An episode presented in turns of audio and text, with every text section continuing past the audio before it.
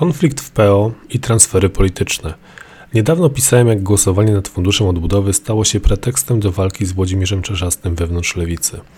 Głosowanie to okazało się też powodem opuszczenia PO przez europosłankę z Krakowa Różę Tun, o czym poinformowała w poniedziałek 17 maja.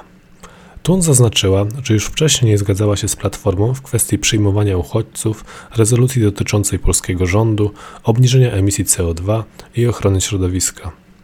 Tun zapowiedziała skupienie się na walce z elektrośmieciami, czyli różnymi ładowarkami, geoblokowaniem i globalnym ociepleniem. Odejście europosłanki jest kolejnym z przejawów kryzysu Platformy Obywatelskiej, wywołanego spadającym poparciem. 7 maja grupa 51 parlamentarzystów Koalicji Obywatelskiej wystosowała list wzywający do zmian w partii.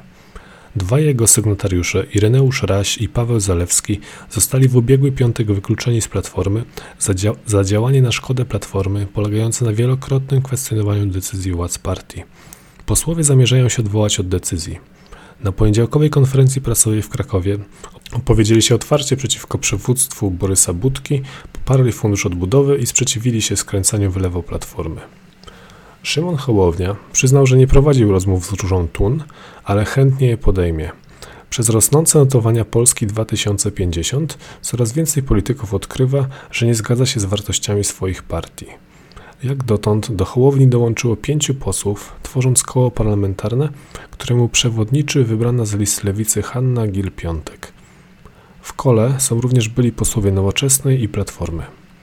Idee prezentowane przez byłego prezentera telewizyjnego przyciągają także samorządowców, na przykład wiceprezydenta Konina i burmistrza Wyszkowa.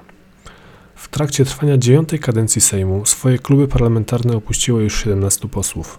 Dotychczas najbardziej szokujące było przejście Moniki Pawłowskiej z Lewicy do porozumienia Jarosława Gowina. W Polsce obowiązuje mandat wolny, co oznacza, że posłowie są niezależni w wykonywaniu swoich obowiązków wobec wyborców oraz stronnictw politycznych. Według badania Kantar aż 56% Polaków uważa, że zmiana partii w trakcie kadencji nie jest w porządku i powinna nieść poważne konsekwencje.